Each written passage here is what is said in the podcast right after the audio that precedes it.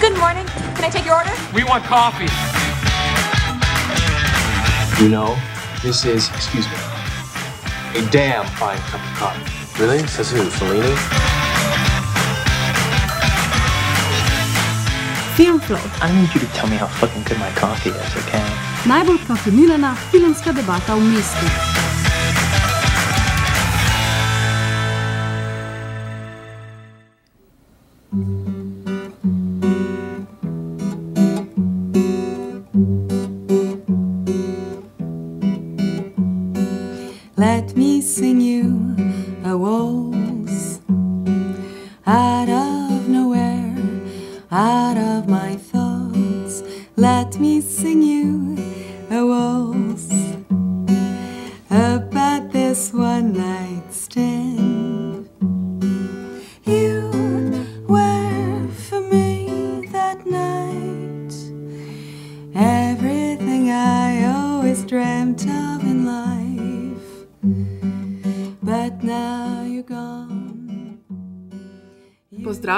Ljubitelji in ljubitelice vsega filmskega. Bliža se čas dopustov, čas brezciljnega pohajkovanja po razgretih mestnih ulicah sladoledom v roki in posedanja v mestnih parkih v senci dreves. Maja, Anja in Ana se danes od, odpravljamo na kratek, a sladek oddih na Dunaj, kjer eno od najbolj romantičnih noči v filmski zgodovini preživita Jesse in Celine. Nadobudno ambiciozen in zgovoren američan iz Teksasa in rahlo nevrotična ter zasanjeno direktna študentka iz Pariza. Film, ki je sicer postavljen v skoraj realen čas, Celine in Jesse se v filmu na Dunaju namreč srečata junija 1994, je premiero doživel 19. januarja 1995 na festivalu Sundance. V kina je na to prišel par dni kasneje, februarja pa se je predstavil tudi v tekmovalnem programu Berlinala, kjer je Linklater prejel srebrnega medveda za najboljšo režijo.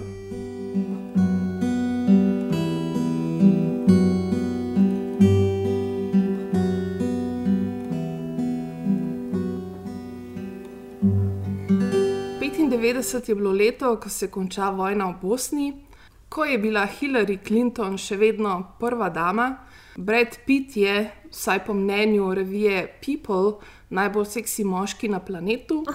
Wow, okay. Z zaključkom sojenja O.J. Simpsonu se leta 1995 verjetno rodi obsesija z resničnostno televizijo. Prenosni telefoni so se takrat še vedno uporabljali bolj ali manj za klicanje. Internet uporablja približno en procent svetovne populacije. Rodi se tudi eBay, na Amazonu prodajo prvo knjigo, Microsoft pa lansira Windows 95. Tistega leta Starbucks predstavi Frappuccino, iz radio odmevajo Backstreet Boys, Macarena postane prvi plesno-glasbeni viralni hit. Med najbolj gledanimi serijami so Urgenca, Seinfeld in Prijatelji, tako kot še vedno danes. I mean, prijatelji, ja, Urgenca je najbrž Grace Anatomy, Seinfeld pa.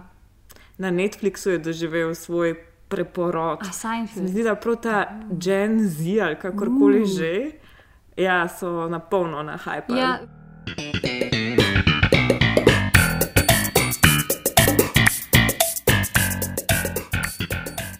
podkastu letošnje serije sva omenili, da se je film v 90-ih razvijal nekako v dve smeri.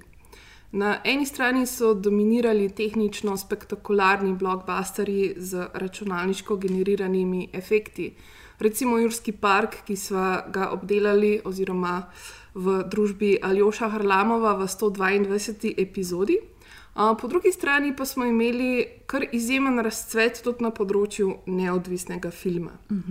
Če vas mogoče kaj več zanima prav o indie filmu, tudi lepo vabljeni, če še niste k poslušanju celotne sezone si ki smo ga mislil? naredili kot deset let nazaj. Ne. Fak. 3, 4, 5 let nazaj. Pred pandemijo. Pred pandemijo, zagotovo. No, skratka, uh, Indie Flow je serija, ki je um, v celoti posvečena uh, gibanju ameriškega neodvisnega filma. Tako da bolj podrobno o tem gibanju, pa o mogoče najpomembnejših filmih in režiserjih tega gibanja. Več v um, tej tisti sezoni, danes pa mogoče res samo bolj na kratko. Ko govorimo o neodvisnem filmu, imamo ponavadi v mislih filme, ki so nastali brez pomoči velikih studijev. Za razliko od recimo filmov novega Hollywooda, s katerimi se seveda na nek način ameriški neodvisni film tudi povezuje, oziroma je neko gibanje, ki je v nekem dialogu tudi um, vse čas z ameriškim uh, oziroma z novim Hollywoodom. Seveda, neodvisni filmi obstajajo že vse čas, odkar obstaja film, se pravi, imajo več stoletno zgodovino. Ampak v resnici največkrat, ko govorimo o indijih filmih oziroma indijih produkciji, imamo v mislih ponavadi specifično obdobje poznih 80-ih mm. let do v bistvu začetka novega milenija. To obdobje je nekako znano tudi kot obdobje. Um, Sundance Miramax, uh, ki se je nekako leta 1989 pričelo s kritiško zelo cenjenim filmom Stevena Soderberga, Seks, laži in videotrokovi, končalo pa celo s filmom Zaljubljeni Shakespeare. A je tako Oh, prevod? wow. Wow, ja. A to je, Ki je bil To je kao kao- prvi neodvisni film, ki je dobil Oscarja za najboljši to je kao film. neodvisni film. A je to tehnika, tehnično gledano Tehnično, neodvisni ja. film? Ker zaljubljeni Shakespeare je res ni neodvisen. Mislim, Ja, no, sej, zato, s ker tem pač se konča. not- Ne, Ja, se ja. pravi, uh, to je v bistvu se pravi, glih skozi ta 90-ta se je zgodil um, ta moment neodvisnega Ja. ja. filma. Ko se je vedno več vlagal tudi van, Ja, ja, ko so bili budžeti vedno večji, in na neki točki se valjda potem ravno zaradi tega to konča. ne. Pa mogoče, če sam na hitro še naštejemo par avtorjev in avtoric, ki jih sicer verjetno res vsi kar dobro poznate. Quentina Tarantina, potem je tukaj Sofija Coppola, Wes Anderson, Jim Jarmusch, Steven Soderbergh, Kevin Smith, Darren Aronofsky, brata Cohen, Spike Lee, Todd Haynes, Paul Thomas Anderson, Stari Alexander znanci. Payne, Spike Jones. Skratka, v bistvu dejansko avtori, s katerimi smo pa filmsko odraščali na nek način. Ja, med ključne avtorje ameriškega neodvisnega filma v tem času pa seveda spada tudi Richard Linklater, ki je nas je opozoril z indie hitom Slacker. Ena stvar, ki je pravzaprav nisem vedela iz biografije Richarda Linklaterja, je to, da je delal na naftni ploščadi v Mehiškem zalivu, mm. uh, preden se je odločil snemati filme. In to je bilo takrat, ko je bil star neuno, nekje 18 do 22, da bi zaslužil kaj keša, šel pa na of Ja. In v bistvu v prostem času je zelo rad bral, tako Dostojevski in te scene, tako da je že malo imel, ok, jaz bom pisatelj. Ampak, ko je bil offshore iz teh naftnih ploščadi, je bila v Houstonu neka kinoteka, kjer je šel gledati filme, full, full, full in se zaljubil v film. Si kupil en tak priročnik, uh, Technical Aspects of Filmmaking, ga gledal par let, potem pa se je preselil uh, v Austin, Texas in namesto da bi šel študirati, je študiral doma to knjigico, si kupil Super 8 in je, da snemu pač filme, tako kratke filme po poglavjih iz tega priročnika. Kao, uh -huh, svetloba v filmu in potem je cel film naredil sam zato, da bi se igral svetlobo. Tako da v bistvu kar en tak, um, glede na to, koliko je v intervjujih, pa tako, ko bereš tak. Um, kao sproščen, malo je bi veterski, v resnici not that much. Niti ni, ne, ampak se mi pa zdi, da je ta zgodba, ki si jo zdaj povedala, tako res tak kor tega neodvisnega um, filma oziroma režiserjev, ki so nekako išli iz tega gibanja. A Da so odprli uh, uh, Movies for Dummies, pa potem naredili, naredili filme. V bistvu so bili to neki režiserji, ki mogoče niso imeli neke formalne izobrazbe, uh, ki so v bistvu prišli iz, iz čist neke druge. Ja. Um, Neke, ke- neke druge točke so vstopili v, v Pa ta svet. mogoče niso nujno prišli iz um, vzhodnega ali pa zahodnega uh -huh. konca Amerike, pa ki niso bili rojeni mogoče v neke silver spoon družine in mm. ali družine, ki bi bile že v filmski industriji. In so pa lahko sklepom prenesli en mal drugačen pogled na film, ker je bil v bistvu outsiderski. Linklater je bil dolg časa med mojimi najljubšimi režiserji. Mislim, da je mogoče tudi še vedno, vsaj v nekaterih aspektih. V bistvu se mi zdi zanimivo to, kar si ti omenila, da je zelo velik bral, pa da je hotel tudi um, biti pisatelj mm -hmm. ne, najprej. Zaradi tega, ker se mi zdi, da se to res tudi ful pozna v njegovih scenarijih, ki so res zelo, zelo orientirani na govor, na dialog, mm -hmm. na pač filozofiranje, na neke pač. Sicer tako na vides ne ful globoke misli, ampak hkrati pa na neke zelo, zelo um, temeljne razmisleke pač o življenju. V fokusu njegovega dela skoraj. Mogoče v res teh najbolj znanih filmih je ta koncept ja. filmskega časa, s katerim se res že vso svojo kariero na nek način ukvarja. Ja, v bistvu zanimivo je, kako recimo že ta film Slackers ne, se dogaja v enem dnevu. Uh -huh. In v bistvu cela ta nar narativa, oziroma filmska pripoved, je dosti izvirna v smislu, da um, se nekako mislim, da je 14 nekih takih scen, ki se prevezujejo iz enega lika na drug lik, ki se na ključno srečajo na ulici, z, v bistvu z nobenim odlikom se sploh ne ukvarja, ampak hkrati smo pa posrkani res v tiste te epizode, tako z vso resničnostjo časa, ker pač ta nek pogovor, srečanje dveh prijateljev na cesti pač traja tri minute, ali pa Mhm. vožnja z avtom traja pač pet minut. In teh pet minut je zelo realno tam v filmu. Ker tudi, eh, recimo, že film pred Zoro se zgodi v bistvu kaj od poznega popoldneva do zore, do, ja. jutra. In zdi se, da smo celo noč čist za res tam z njima. Tako ni nobene te neke pohitritve ali pa preskoka. Pač se mi zdi, da se sploh ta neka čustva in junakov in gledalca, oziroma občinstva, nekako razvijajo v taki neki zelo. Tako mm. noro, realistični liniji. Mm. Ja, mislim, da se mi zdi, da v tem oziru je mogoče še celo bolj zanimiv ta um, Before Sunset, oziroma ja. pred sončnim zahodom, ki je pa res še bolj omejen mm -hmm. na kok, mislim, eno uro, ja. pa pol, ki jo ima ja. on, mm -hmm. preden ujame svoj let. Mm -hmm. In se res dejansko pač čist v realnem času na nek način Ja. uh, odvije. Ja.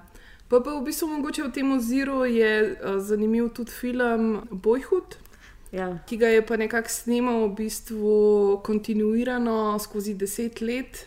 In uh -huh. potem pač teh deset let zgo zgostil v eno filmsko pripoved. Da dobiš v filmskem času realen čas ljudi, uh -huh. ki so v teh desetih letih odraščali, se spremenjali, ustvarja res en zelo poseben moment v samem filmu.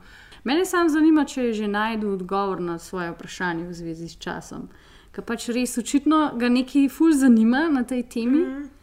Pa ne, ne vem, mislim, da si še ni odgovoril. Ker mi je pač vse zanimivo, da je to D tema, ki ga zanima. Mm -hmm. mislim, skoraj v vseh filmih je to vprašanje, ki si ga zastavlja. Um, ne vem, ali hoče ujeti en trenutek v času, ali hoče, poča, ali hoče pač to Einsteinovo teorijo, da je čas relativen ujet na film, mm. da se tebi zdi, da en afternoon za, po zadnjem dnevu šole traja dve let, čeprav traja tri urce. Um, tako da me zanima, a si bo znal odgovoriti daj na vprašanje. Mogoče mm -hmm. pa njihov snimati filme. Ja, mogoče so pa njegovi filmi samo neka taka zanimiva, različna potovanja v času. Ja. ne? Ja. Uh, tako kot v bistvu um, Jesse reče v, na začetku filma pred Zoro, um, reče o tem razmišljaj kot o potovanju.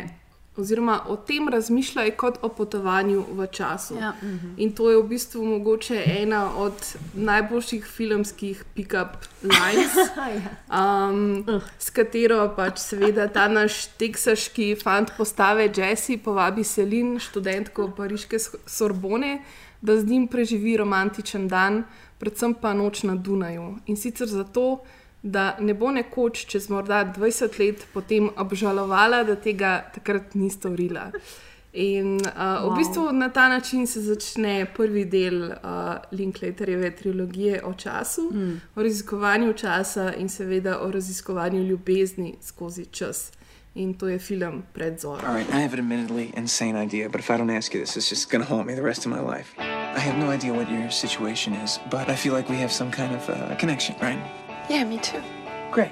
So listen, here's the deal. This is what we should do. You should get off the train with me here in Vienna and come check out the town. We just got into Vienna today, and we're looking for something fun to do. Sprechen Sie English? Yeah, of course, yeah. Uh, do you speak German for a change?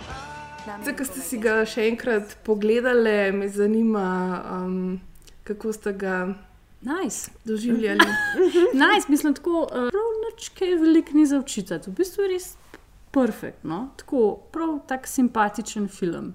Pa vedno znova me presune, ker ti po moje vedno to napišem. In tako gledam njegove filme, sem pač vsak let, da sem confused, pa kar moram po nalogi. Ampak tako, po moje zmeraj dobiš isti čas. Kako lahko uspe posneti film, v katerem se ful nič ne dogaja, ampak se vse stvari zgodijo. To ti po moje vedno pošljem. Ker je pač tak film. No. Dovolj je čizi, da je sladno, da je tako, ok, ta neka prva zaljubljenost, pa tako neki, itak, da sta one dva kao 23 stara, in tako, are these adults? Kao, kdo je to, to, ne vem, kdaj so bili ljudje tako odrasli pri 23 agen. Pa kar randomli hodijo po Evropi, ja, ja bomo pohengali malo na Dunaju celo noč. Ok. Dober je tako pisan, da ti ne rata dolg čas, pogovori so sicer malo pretenciozni, a vendarle zanimivi, kaj se rečeš, to so ljudje stari 23, če ne vejo life. Um, tako da ne, nice je, I enjoyed it. Ja, meni se je tokrat, um, ki ga v bistvu res že kar dolg časa nisem gledala, se mi je prvič zgodil, da sem se res zavedla tega, da sta ona dva ful mlada v tem mm -hmm. filmu.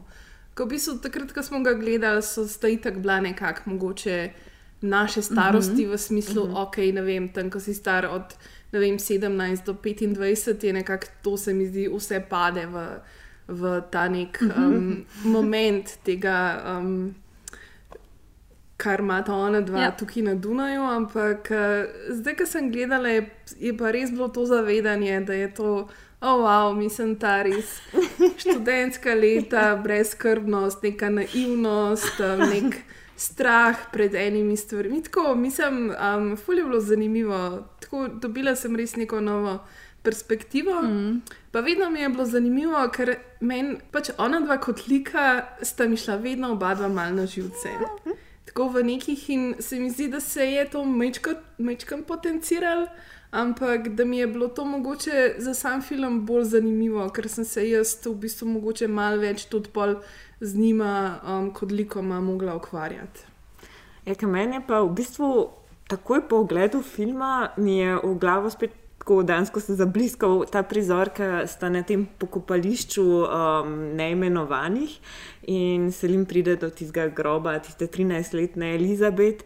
In reče, jaz sem prvič tukaj, ker sem bila stara 13 let in sem se ful poistovetila, ful sem začutila, ampak zdaj sem pa 10 let starejša, pa ona je pa kar 13 stara in, in pa sem se znašla v tem istem stavku. Ker sem gledala prvič film, prav to, verjetno nekje v tistih letih, ne vem, mm -hmm. pač najstniško, zgodnje 20, ker sem res živela ta čustva in ta intelektualnost in vse to zasovno. Ja, ja, ja, ja. ja.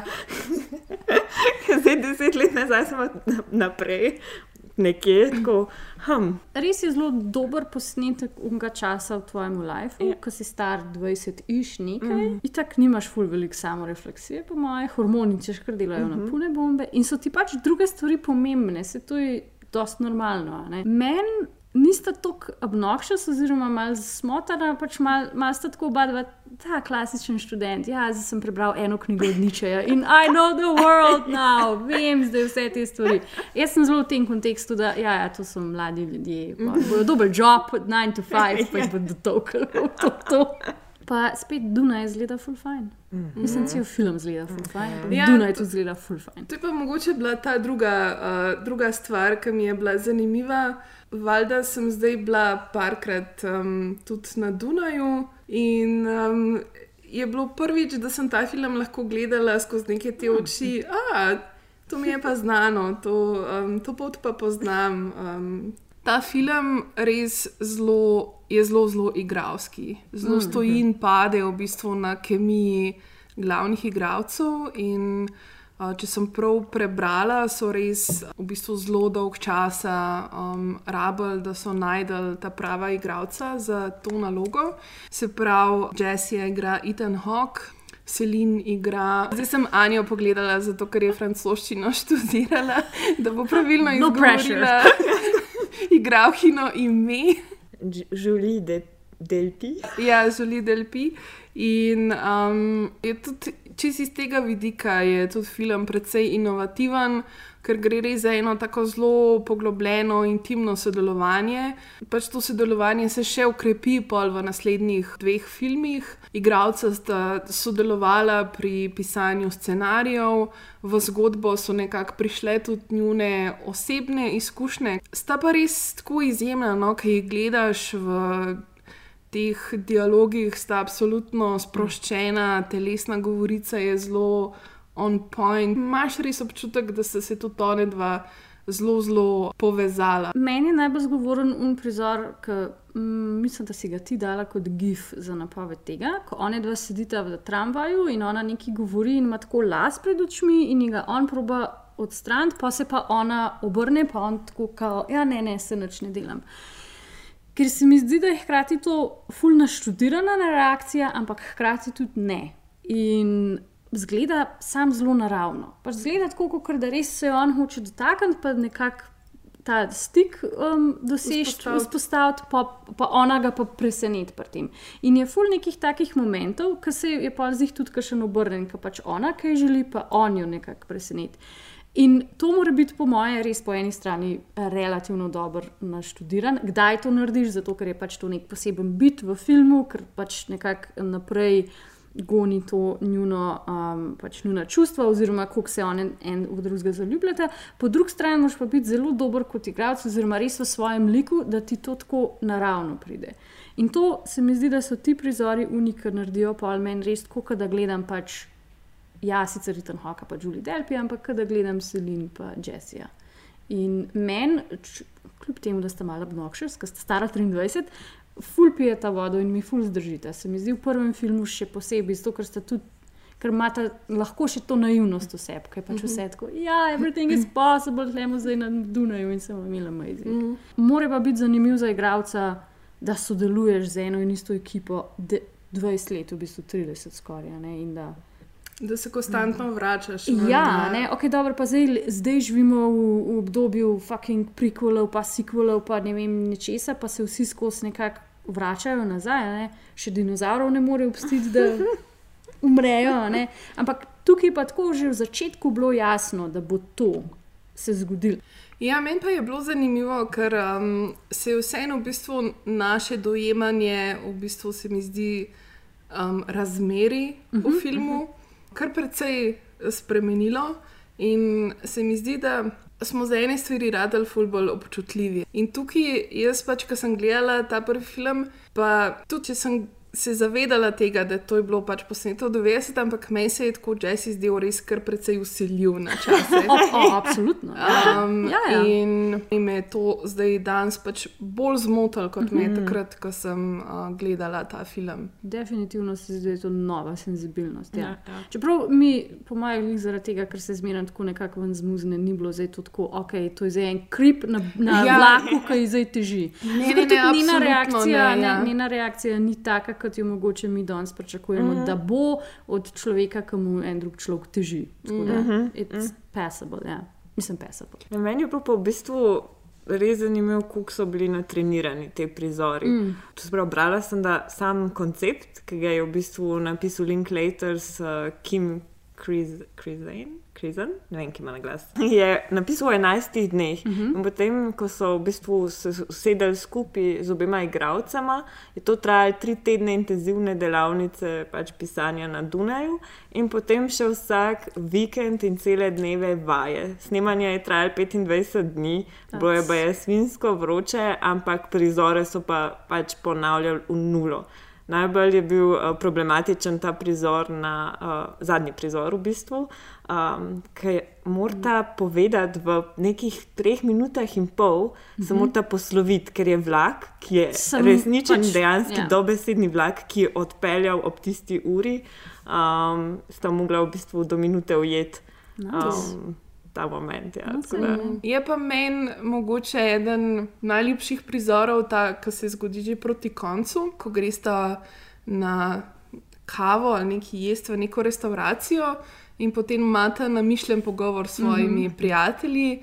Kjer v bistvu prek nekega drugega dialoga povesta to, kaj imajo všeč, v bistvu eden na drugega. Dring, dring, dring, dring. Pick up. What? Pick up the phone. Uh, oh, hello.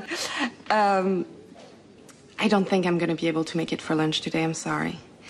I I met a guy on the train and I got off with him in Vienna. We're still there. Are you crazy? Probably. Why'd you get off the train with him? We were in the lunch car and he began to talk about him as a little boy seeing his great grandmother's ghost. I think that's when I fell for him. Just the idea of this little boy with all those beautiful dreams. Pa meni tudi, so mi ful prikupni vsi ti side character- karakterji, tako vsi ti neki random avstrici, ki se tam una gospa, ki pripoveduje prihodnost, une dva duda z uno igro na začetku, o kravi, pa to vsi tako so res avstrici, tako z velikim aj. Tako, you're all Österreicher. Ja, pa ta pesnik, ki ima Ja. napiše pesem. Ja, tisto to je tudi magično, čist. Pa čembalo, meni je v bistvu ta najljubši prizor. Ki tako, valjda bo neka klet sred Dunaja, Absolutno. absolutno imela noter čembalo. Ja. In enega modela, ki bo igral pred zoro na čembalo. Ja. Ta moment, no, sicer bolj, seveda, ki sem jo vtisnil spomin, je bil ta uh, namišljeni fotoaparat, če smo imeli prej namišljeni uh -huh, telefonski uh -huh. klic. Ta moment, zdaj ti bom slikal, da se ti bom zapomnil. Z Ja, tem tako je. glovom jutranjim. Jerry, yes, we know you're 23, super star. Ja, se v bistvu se mi zdi glih ta um, um, moment te analognosti, še mogoče mm -hmm, tega filma, ja. ja. mm -hmm. ki je sicer res je tako zelo lep portret mladosti, negotovosti, strasti, spontanosti, upanja, ampak. Um, Pač tega, kar sem se res zavedala, zdaj, ko sem to gledala, je, da se do, dogaja res v času, um, Ničesar. v katerem še ni bilo zares interneta, mobitelov, Facebookov, vse te neke 24-7 povezanosti. In sem res pol pač malo razmišljala ob gledanju o tem, če bi se oni dva danes na tak način srečala, bi bilo možno, da bi se še vedno na tak način sprehajala po mestu, pogovarjala. Pač kaj bi bilo mogoče danes drugače, oziroma ali so se neki odnosi um, tudi spremenili? Mislim, najbrž bi se s, s tehnologijo srečala, tako pač bi bila oba dva na vlaku, pa pol bi bil zih kakšen Tinder grinder situacija, meet random strangers. Pa bi bilo i tako vse na Instagramu, tako live, live story updates, po moje. In Pa pol po bi bilo. Dunaju bi se zihar sprehajala z Google Maps. Ja, Ja. pa z Uberjem ali pa s čim koli. Ja. Pa pol bi najbrž bil samo en film, ker pa bi si izmenjala digits, oziroma bi se ji takoj pofrendala, pa bi bilo pa to. to. Mislim, pol rata nezanimivo, mislim, nezanimivo. Pol Ja, rata, ful neromantično. ja, pol rata sam un, da je zdaj uskladiti na en live, pa Skype, pa to, pa um, pa tisti, pa tretji, in pol se ali dobiva ali ne. a ne. Tle pa, tle pa glih zaradi tega, ker ni te tehnologije, pa ker se tudi oni dva odločita, da si ne boste dala izmenjala telefonskih, ne pa lahko narediš zgodbo naprej. Ja, jaz moram reči, da sem se cel film tako govorila, joj, v bistvu toliko zavidam tema dvema likoma, tega, da pač ne brni noben telefon, da ima ne trka noben mail na glavo, da pač samo sta tam in prepuščena pač um, analognim urnikom, analognemu prostoru, pač analognosti sveta. In ja, dejansko sem bila ljubosumna. Ja. ja. Ne, ja, ja, to je bilo kar wild včasih. Mm. Ja, res se- se mi zdi, da um, smo izgubili ful veliko ne, nekih teh uh, romantičnih momentov skozi to digitalizacijo življenja. Definitivno. Um, Je pa tako, da večina filmskih romanc se konča v trenutku, ko par končno pride skupaj. Hmm. Recimo uh, Čedno dekle, o katerem Mhm. so se pogovarjali v um, prvem Mhm. podkastu serije 90-ih. Pač konča se v tistem nedoločnem happily ever after, katerega potem nikoli zares ne vidimo. Ampak predzorov se je pa končal z obljubo o ponovnem srečanju, na katerega pa smo pol mogli čakati skoraj deset let. Na koncu Selin mora iti na vlak za uh, Pariz, Jesse pa na avion, ampak on jo pospremi na železniško in potem tam stojita pred vlakom, oba dva živčna in si najprej nočta povedati, da bi se rada še enkrat videla. Smata tako, neka kulje, kulje, v redu je, kul, to je bilo to, to je bil ta moment, magično, ja, neponovljivo, uh, ne. In pa si tako nekako priznata, vendarle, da pač sta si afulu všeč in se imata rada in bi se rada še enkrat videla, ne? oziroma bi se želita še enkrat srečati in potem se tako zelo spontano zmenta, čez pol leta ob šestih popoldan tukaj, ok. Pa imata imata ta mali pogovor, da bi si dala telefonske šilke. Ne, to je bilo preveč klasično, romantično, ne, ne, ne, čez pol leta tukaj, ok. In gre ona na vlak, on gre na bus, potem oba dva tako zelo romantično, ah, I'm so happy, z nasmehom na ustnicah zaspita. In potem je konec filma. In Potem so ljudje traumirali v kinu, tako kako, kaj ne bomo izvedeli. Ja, ker seveda se ni vedel, da bo naslednji Ja. ja. film, so se pa ljudje um, seveda razdelili v, da, v dva tabora. Uh, ena, en tabor so bili ciniki, uh, ki so seveda po koncu filma trdili, da se mlada zaljubljenca nikoli več ne bosta videla. Na drugi strani je bil pa tabor romantikov, ki pa so seveda verjeli, da sta se čez pol leta srečala na Dunaju. Tako da me zanima, v kater tabor sta vidve spadali. Ja, jaz sem v absolutno romantičen tabor spadala. Tako, ne vem, to ste me prepričali, oziroma to sem po mojem hotela verjeti, mm. tej pač srečni prvi ljubezni, da sem sam tako, ja, grem, grem, verjamem temu filmu, grem z njim. Ja, jaz po mojem tudi, čeprav sem pač film videla prvič. Pač par let nazaj sem bila tudi tako, ja, this could work. Ampak nisem bila zdaj tako za voljo te prve romantične ljubezni, ampak bolj tako, ne, to bi bilo v bistvu bolj, zan, bolj zanimiv storytelling. V bistvu. Mhm, Še mhm. posebej, ok, pa če sem vedela, da pol naslednji drugi film se dogaja deset let oziroma devet kasneje, ne, še posebej zato, ker to pol predvideva, da sta ona dva imela nek life in pač bi bilo, bi bilo zanimivo videti, kako se zdaj ta patchwork life vklopi en v drugega. Ampak itak, če bi ga gledala v prime time, takrat, ko sem bila tako stara, ko je ta film prišel, oziroma malo kasneje, bi bila tako, ja, da morata skupaj priti, to je najbolj. Najbrž, Mm. kar samo sebe poznam. Ampak v resnici se zares ne zgodi ne eno, pa ne drugo. Ne, Ne, ja. Ker um, eden pride, ja. eden ne pride, ampak ne zato, ker ne bi hotel, Ja. ampak Mhm. zato, ker se nekaj pač drugega zgodi. Ful mi je bilo res všeč, ker se v bistvu s tem vprašanjem uh, nekako začne tudi drugi uh, film. Ki je, kot smo že um, danes zdaj večkrat omenili, postavljen deset let kasneje, odvija se pa v Parizu. In sicer zvemo, da je Jesse na literarni turnaji Mhm. -hmm. in predstavlja svojo knjigo, ki jo je napisal o tej noči, ki sta jo s Selin skupaj preživela na Dunaju, knjigo, ki jo zdaj predstavlja pač po evropskih mestih. In a, tako se znajde tudi v Parizu, v eni mini knjigarnici. Se pravi, tudi knjiga ima podoben zaključek kot ima prvi film, uh Mhm. -huh. in zastavljamo točno to vprašanje, ne, kaj se zgodi s tem parom. a, Na koncu, in ko se on poskuša nekako izviti z nekim odgovorom na to vprašanje, potem tam v kotu zagleda Selin, in potem se začne tudi ta drugi uh -huh. fi, film um, odvijati. Poleg uh, Lotra and the Two Towers je to mogoče uh, drugi film, ki je pač nadaljevanje meni skoraj majhen bolj simpatično kot prvi. Um, mogoče tudi zaradi tega, ker se res dogaja zelo kompakted v eni uri pa pol v Parizu, ko one dva se pogovarjata. Pa mogoče čist mal zaradi tega, ker v bistvu se na nov spoznavata, zdaj ko se jim je že nekaj zgodil.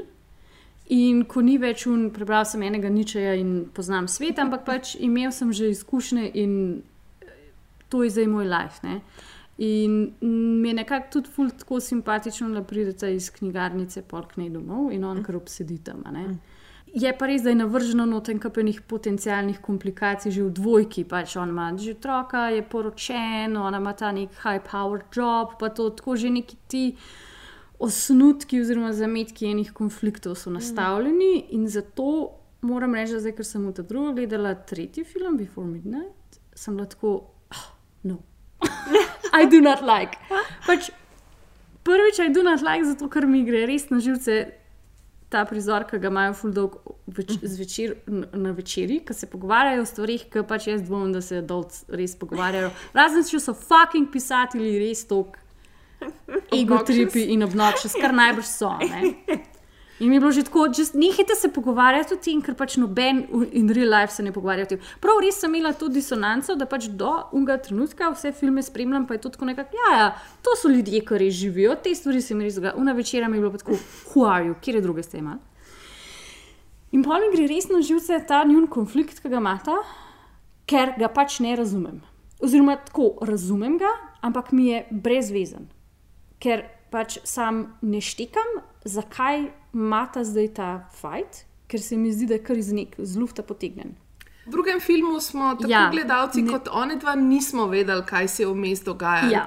Tukaj pa oni dva veste, mi pa Ja. ne vemo. Ja, in, in- moramo mi upraviti ful tega ja, dela. pa da... ne da, veš, pa, pa vse glih ti, pa ne da ti te, te, tega zadovoljstva, da je z njima v bistvu vse ok, da sta mm. zmagala v tej večni, uh, da je en, enim parom pa res rata, ne, in si pa zaradi tega frustrirana. Ne? Ampak meni šla specifično Selin ful na živce v tretjem filmu, še posebej v tem zadnjem delu. S, te, s temi nekimi travmami, ki jih ima. Pa, ne vem, moram še ful preseb premišljati, ker pač nočem biti ta feministka, ki gre glavni ženski lik v filmu na živce. Ampak mi gre ona sam ful na jedra. Sam mi gre on tudi na jedra, ker sta oba dva debila, ampak ona mi gre bolj na jedra. Tako da sem na polu kar un pist, kaj, zakaj je zdaj ta tretji film tak. Mogoče moram naslednjih deset let počakati, da bom še kaj živela, pa bom pol videla, razumela, zakaj je ta tretji film tak. Ja, meni je pa bil v bistvu pred polnočjo, ko sem ga gledala, takrat, ko je prišel ven, v bistvu najljubši izmed mm. treh. Jaz imam rada konflikt. In Right. pač v tem tretjem filmu je res konflikta full velik. In se mi zdi, da mi je največ dal v nekih teh vprašanjih, kako se sooča z nekimi vprašanji pač o lifeu. Uh, in mi je bil iz tega tako najbolj, ne vem kako bi rekla, tangible, tako zelo. Zelo veliko enih stvari sem lahko ob njem premišljala, no, in mi je zelo veliko dal tudi uh, zaradi tega. Ker v bistvu ta ta drugi mi je, ne vem, po eni strani noro mi je, ker je tako simpel. Mm -hmm. Mislim, tako, pač res, pa tako mine, zdi se mi, da mine res v petih mm -hmm. minutah. One, one dva sta najprej na tem pisateljskem večeru, pa se sprehodita do kavarne, sta v kavarni, potem se sprehodita do ladice, se peljeta v avto in sta pri njej doma, in to je to. In skoraj imam jaz v spominu, da je to kar en kader, čeprav zih.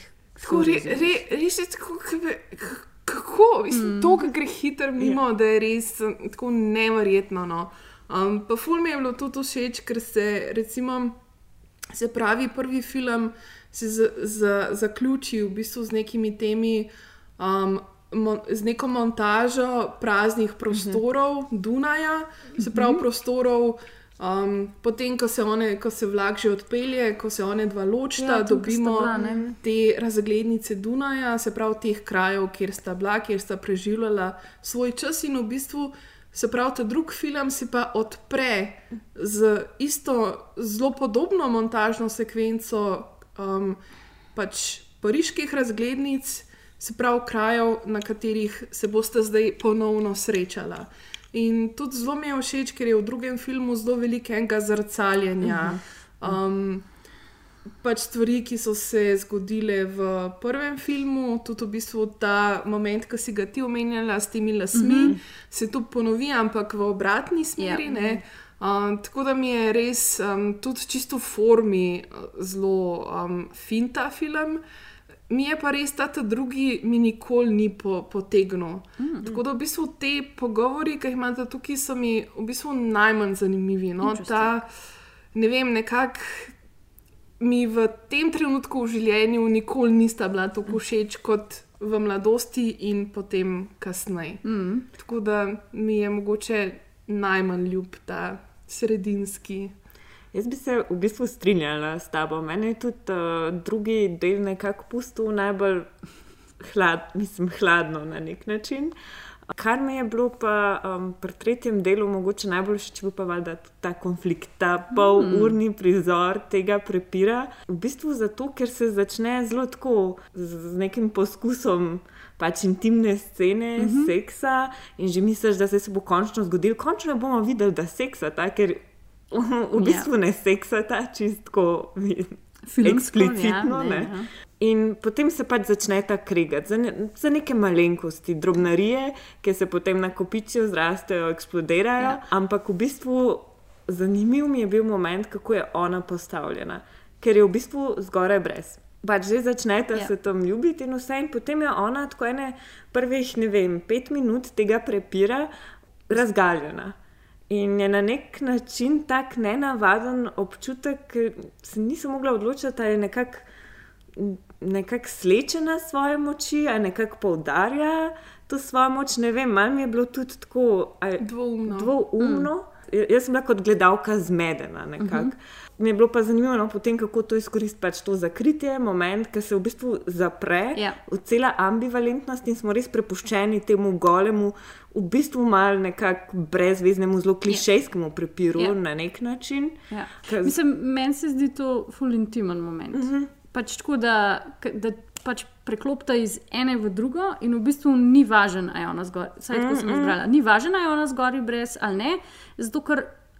Absolutno je zdaj v enem drugem filmu in še znati seksi ne more pač po naključju zgoraj. brez. Jaz sem to zelo tako brala, ker to se mi zdi, se lahko zelo hitro zgodi v, v razmerah, ki trajajo ful dolg časa, da v bistvu ko meniš kontekst in pol ni važen, kakšna je tvoja osebna okoliščina, zdaj smo zamenjali kontekst in smo tle. Tako da mi je pa zanimivo to, kar si zdaj rekla, da ko se pa obleče, pa se zapre. Ne? In to je po mojem, pa moj čist full oseben trigger, da pač jaz res ne prenesem teh nekih fucking pizdarij. tako. Ali bomo to zdaj spucali tako, ali pa pač ne bomo. In ker sem full operativno tako, ne, ne, ne, ne, ne.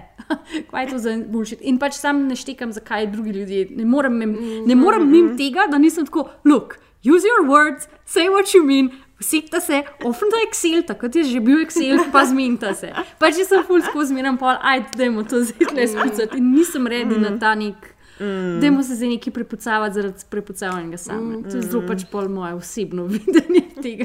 Ja, to, to je ure. zanimivo, ker imaš ti odpor do tega. Ja. Meni je pa v bistvu, mislim, jaz imam tudi rada, da se pač en, da se take stvari tako res čim prej um, pogovorijo, ampak mi je pa zanimivo v bistvu res bilo gledati to neko čist kontra izkušnjo, mm. ko imam jaz, ne, mislim, in poskušati razumeti, zakaj bi nekdo na ta način odreagiral. Mm. Tako da, da se pač res poskušaš soočati z nekim drugačnim načinom funkcioniranja mm. enih ljudi. Ja, kar meni je pa mogoče, mislim, bil vedno ta film zanimiv iz tega vidika, ne, ker, ok, a veš, one dva, ok, zdaj sta deset let skupaj. Um, Jesse ima že odraslega sina, imata dvojčice, um, oba dva imata precej zahtevno kariero, se pravi, verjetno sploh ne znata biti več eden z drugim. Ja, ne. ja. In je zato pride do tega absolutno pač. Tako, ker meni se je na neki točki zdelo, da sta prav paralizirana, Ja. ne, Ja. pač o tem, kako se ne znata več z, en, z drugim pogovarjati o tistem, kar je, Kar je res what tema. really matters. Mhm, ne. ja. In mi je ta prizor vedno to nekak nač, na nek način vedno to tudi um, sporočal. Ja. Ja, a ful dober rit tega mm. prizora, definitivno. Um, Meni bi bilo super, sicer, če bi dobili še kakšen uh -huh. film, še Ja. kakšno nadaljevanje. Pol, ke... Mogoče pa zaradi COVID-a niso mogli uh, posneti, pa je zdaj delayed. Ampak, a veš, ta moment, pol, ki se zgodi, ne, ko otroci pač odrastejo in imaš ti spet Ja, čas ja, ja. zase, What ne, kaj se happened? pol Ja, zgodi. ja. Um, tako Ta da empty mislim, da bi nest bilo- sindrom. Da bi bilo to kar Ja, no, zanimivo. zihar še kaj bo. Ethan Hawke ima zdaj itak nek revival, uh, tako malo v svoji karieri, pa to je zdaj je vroča roba, mogoče pa se bo kaj. Se bo kaj zgodilo. Ja, ja. Romantic. If we're meeting for the first time today on a train, would you start talking to me? Would you ask me to get off the train with you? Of course.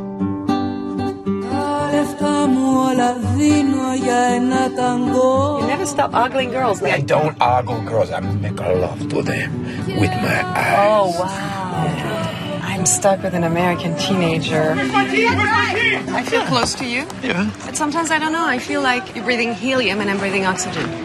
What makes you say that? I wanted you to say something romantic in you, okay? You are the mayor of Crazy Town. Do you know that? You are. This is how people start breaking up. Oh my god.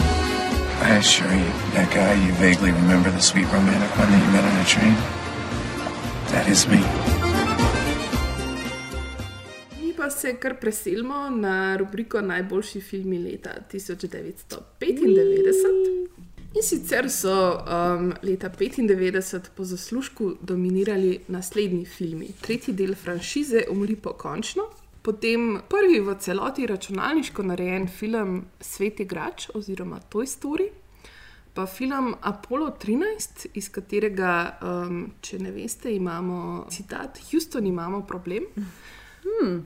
Pa vrnitev Jamesa Bonda s filmom Golden Eye, oh. v katerem se kot agent nič nič sedem predstavi Pierce Brosnan. Yes. Med drugimi najdonosnejšimi filmi tega leta so še Pocahontas, Batman za vedno, Sedem, Kasper, potem je bil tu še Vodni svet. 95 je bil res quality. quality. Very much. In pa potem še Jumanji, ki je pa film, ki si ga ti izbrala za Ja. svoj Za moj najljubši film. Za tvoj najljubši Um, film leta jaz- 95. Najljubše filme izbiram potem, ko se spomnim, da smo si ga sposojali z videotek. In tega smo si ful sposojali z videoteke, toliko da smo pa znali dialoge na pamet. You want to play? Alan, look. In the jungle, you must wait until the dice read five or eight. What's happening to you?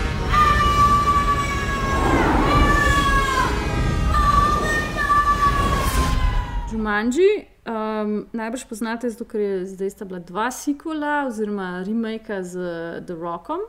Ampak originalen Jumanji je um, iz leta 95 in ga je režiral Joe Johnston, ki je režiral tudi uh, Winter Soldierja za te bolj sodobne reference, pa še en kupenih drugih uh, filmov. In je um, odlična družinska komedija z pač reč, več kot odličnim Robin Williamsom. Zgodba je zelo enostavna, igra se na mizno igro, ki potem posrka mladega Robin Williamsa v sebe. In potem ne vem, koliko let kasneje, to, da je potem uh, otrok, ki je Robin Williamsa igral, odrasel Robin Williamsa. Uh, novi otroci igrajo to igro in uh, Robin Williamsa vrže nazaj ven v res, resnični svet, ampak tudi malo igre vrže v uh, resnični svet. Jaz mislim, da mi je bil ta film všeč zato, ker je scary po eni strani, pač par stvari mi je bilo full strah. Pa v primerjavi recimo s Kasperjem, ki je Kasper tak CGI, je ta še zelo praktičen film. Skoraj, no, mislim, za, z mojega vidika za takrat se vse stvari fizično dogajajo. Ful se spomnim, ker recimo ne vem, igrajo igro, morajo jo pa do konca poigrati, drugače konc sveta, neka taka scena. Ker enkrat um, vržejo kocke. In kao neki, neki dež, dež, dež, in potem začne v hiši dežvati, in džungla se pojavi v hiši, in mi je bilo to ful fascinantno. Še posebej mi je bilo, pa ne vem, zakaj najbolj všeč na koncu, ker oni igrajo igro in zmagajo, in potem se svet resetira. In je v bistvu kot da se to noč nikoli ni zgodilo. In pa je na koncu tako full beautiful reunion, Robin Williams vas navdušen, the children are here, in pa je tako full awkward, ker pač noben ne ve, zakaj se gre. Tako da tak ne vem, full, pa je tako pol klasični Robin Williams, frisi, what year is it in te stvari. Tako da, it's good fun.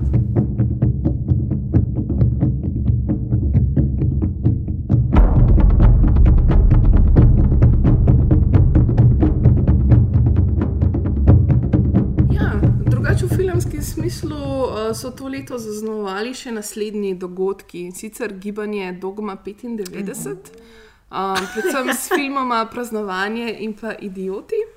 Pa Mel Gibson s filmom Pogumno srce, ki je dobil Oscarja za najboljši film. I mean, absolutno. 10 out of 10.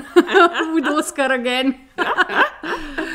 wow. Pa recimo filmi kot so Muriel se poroči, Najni mostovi, Nimaš pojma, Babe, za katerega je scenarij napisal George Miller. Uh, pa Nevarna razmerja, mm. to je bil, uh, ta film sem imela jaz full rada, Mišel Pfeiffer mi je bila the best.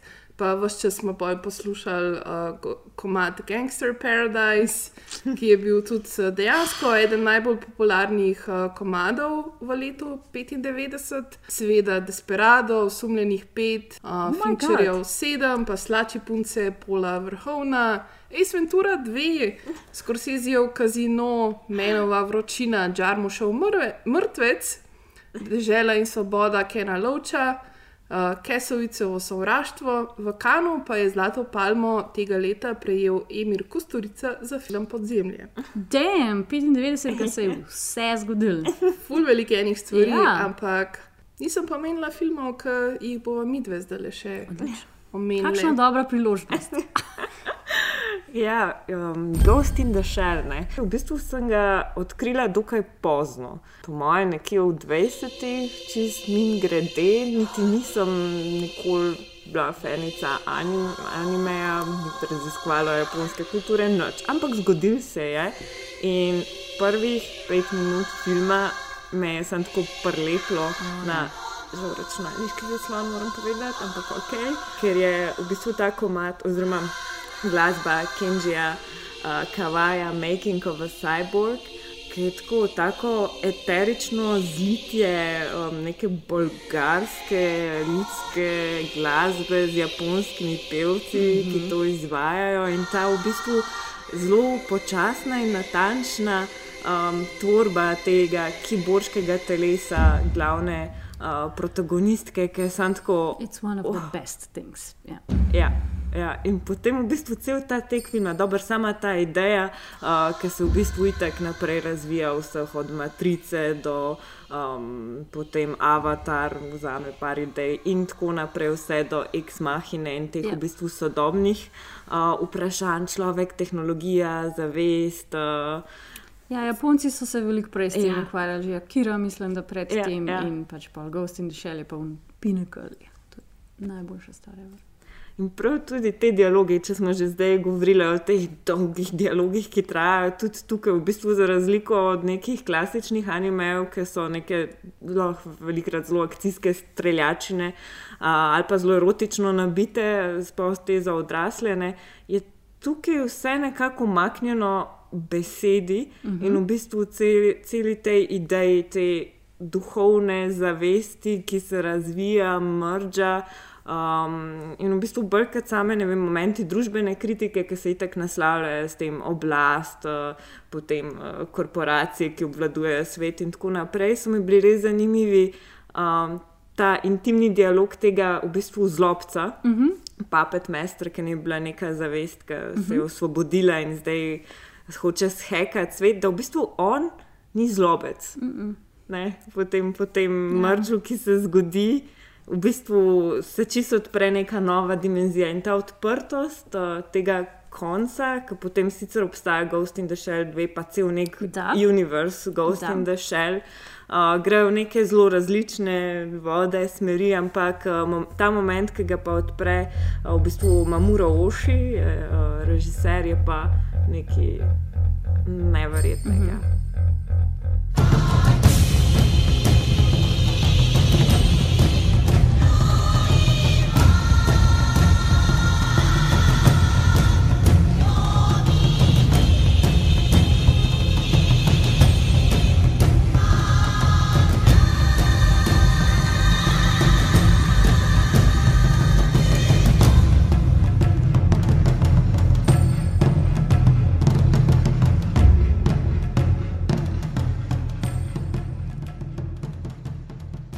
Grem pa čisto v drugo smer. In sicer uh, s filmom Razsodnost in rahločutnost Enga Lija. Gre v bistvu za prvi angliški film tega tajvanskega režiserja. Zdi se mi, da sem kmalo, pač tako po letu 95, kar padla malo v to, te neke um, kostumske britanske drame. Um, da smo vsi šli nekako tudi čez to fazo ne, na neki ne, točki. Ne, ne, nismo, ampak ok, ja, sure. Pač Jane Austen kot res odlična pisateljica, ki je secirala družbo in odnose med moškimi in ženskami. Vedno mi je bila zanimiva ta kombinacija. No, men, mislim, razsodnost in rahločutnost, se pravi iz leta 95, v kateri igrajo Emma Thompson, Kate Winslet, Hugh Grant, Alan, Alan Rickman in seveda še cel kup uh, teh najbolj znanih britanskih igralcev, tako Harry Potter pred Harry Potterjem. Definitivno. V bistvu nisem vedela tega, Emma Thompson je tudi napisala scenarij za ta film. Mm. Vedno mi je bila full všeč, ker se mi je vedno zdelo, da je večina teh filmov, um, ki so bili adaptacije um, literarnih del Jane Austen, preveč resnih. Mm -hmm. Ta pa je imel um, zelo tako humorno podstat tudi, no? in mi je zato vedno um, se mi je zdel zelo fajn. Uh, sploh v teh uh, pričkanjih in um, dialogih. Mislim, da tudi velja ta film za eno izmed najboljših adaptacij uh, Jane Austen. Angli je bil tudi dolg časa med, eden izmed mojih najljubših režiserjev in vedno me je fasciniralo, kako lahko nekdo, pač iz nek kitajski režiser, mm -hmm. pač tako dobro razume britansko družbo 19. stoletja ali pa vem, ameriško družbo v 70-ih letih. Ker recimo eden mojih najljubših filmov dolg časa je bil film The Ice Storm, mm. uh, Ledeni vihar, um, ki se dogaja v 70-ih letih v Ameriki. In sicer pojma nisem imela. Kako izgleda Amerika v 70-ih letih, ampak tako kot jo je on prikazal, za me je bilo to. to. Mislim, tako, pač, ko sem gledala ta film, se mi je zdelo, da razumem tako ameriški srednji razred čist. All I want, all I have ever wanted, is the quiet of a private life. But uh, my mother is determined to see me distinguished. As? Anything. Um, a great orator, a leading politician, I think even a barrister would serve as long as I drove a barouche and dined in the first circle. What do you wish for? I've always preferred the church. But that is not smart enough for my mother. She prefers the army, but that is a great deal too smart for me. Would you stay in London? I hate London. No peace. A country living is my ideal, a small parish where I might do some good. Keep chickens. Give very short sermons. ja, seveda, mislim, še cel ta mogoče Hugh Grant uh, moment. 90-ih. Njegova prva glavna vloga je bila leta 87 v filmu Maurice. Mm -hmm. um, potem pa dolg časa ni imel nekega takega prepoznavnega filma in je pol pred 32 letih skoraj vse obesil na klin in pustil uh, igralsko kariero. In pol je mi prišel scenarij za film Štiri poroke in pogreb. In the rest is history. Ja, v bistvu ta film je bil leta 94 in z njim je valjda postal mega, mega zvezda in je potem leta 95 naredil kar pet filmov. Wow. Uh, med njimi razsodnost in rahločutnost, recimo devet tednov. Pa recimo angliški je šel na hrib in se vrnil zgore. Pa še seveda leta 95 se je zgodila tudi ta hecna stvar, ko so ga v L.A.U. aretirali zaradi javnega oralnega seksa s prostitutko. I mean, as you when in L.A. Um, pa pol je v bistvu 90. še uh, leta 99 zaključil z filmom Notting Hill. Ah, a to je bilo kasneje, jaz Ja. ja. zakaj imam ga občutek, da je to bilo prej. Interesting. Tako da, ja, Wow. Noro. to. Pa tudi on ima zdaj neko tako um, renesanso. Ker zdaj smo ga odkrili kot starejšega, šarmantnega moškega. Pač s temi Ja, nekimi ja. serijami. pa to. Ko mes pač ni bil tako zglih za res. Tako, ne, pa, pa zdaj igrate v staro narekovanje. Tako, ah, look at him. Ful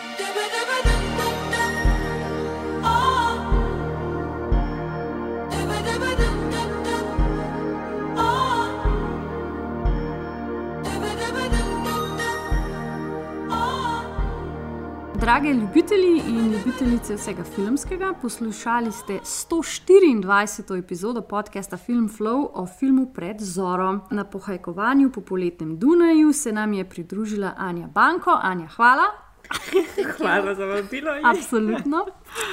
In tudi 124. epizodo s Film Flova smo posneli v slovenski kinoteki, ki je julija, tako kot tudi mi, na kolektivnem dopustu, ampak avgusta je kinoteka nazaj, ker se vrača s super programom Poletja na platnu in med platnicami, ki bo letos potekal pod temo tisk pod pritiskom. In zdaj, Shameless self-promotion. in zdaj tukaj želim vedeti več, ker mi je ful všeč tisk pod pritiskom. Gledali bomo pet super filmov. Uh, začnemo z filmom Citizen Kane, uh. seveda ultimativnim filmom um, tiskarskih magnatov. To je res nišen, nišen a zelo pomemben trg oziroma industrija. Ja. In seveda eden najbolj um, hvaljenih in uh, znanih filmov. Potem nadaljujemo s filmom Leto nevarnega življenja mm. avstralskega režiserja Petra Uira.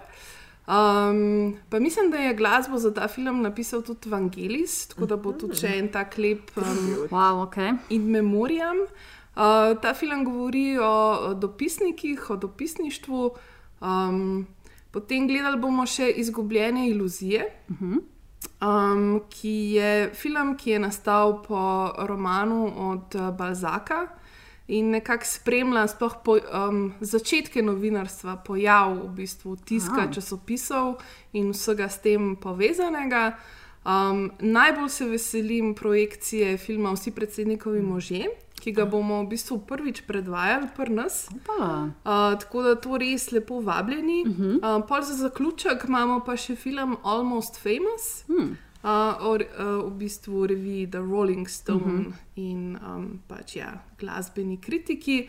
Bojo pa trije filmi pospremljeni tudi z um, dogodki, s pogovorom o, o raziskovalnem novinarstvu, ob filmu Vsi predsednikovi možje, pa s pogovorom o um, dopisnikih, uh -huh. ki jih zdaj, seveda, tudi na televiziji hočejo ukiniti in bomo očitno zelo aktualni. Yep. Uh, bo pač tudi pogovor o tem, um, zakaj jih potrebujemo uh -huh. in kako zelo neuredu je, da jih keslamo. Uh Mhm. -huh. Potem pa imamo še en večer, tudi pogovor o filmu Izgubljene iluzije, uh -huh. uh, kjer pa smo združili moči revija Literatura in pa revija Ekran, tako da se bomo malo pogovarjali o filmski kritiki, o tem, zakaj sploh še potrebujemo tiskane revije. Lepo vabljeni. Ja, res pridite na poletje na platnu in med platnicami je definitivno vredno ogleda. Filmflow sicer lahko spremljate na mreži Apparatus, www.apparatus z dvojnim pojem.si in pa se nanj naročite prek vaše najljubše aplikacije za podcaste. Drugače, če ste še na social medija, smo tudi na Facebooku kot Filmflow, na Twitterju at filmflow.tm in na Instagramu kot Filmflow podcast. Stokajte nas, lajkajte nas, šerajte, retweetajte, repostajte, karkoli naj se uh, širi glas Filmflowa čez poletje. Hvala, ker nas poslušate. Mi gremo zdaj mal na eno pauzico, Julija in Augusta smo na morju, kao, in nazaj smo z drugo polovico 90-ih, spet septembra. Adijo! Now in the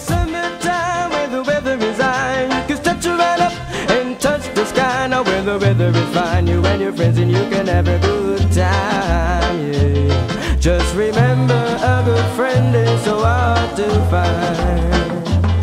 Now it don't matter you rich, no it don't matter you poor. Now get the Irish feeling and a much much more. Now when the weather is fine, you and your friends and you can have a good time. Yeah. Just remember a good friend is so hard to find. Happy as can be. Me and my friend, we live living like family. A grooving in the summer, happy as can be. Me and my friend, we live living like family. A summertime affair in the atmosphere. I'm a love all the time.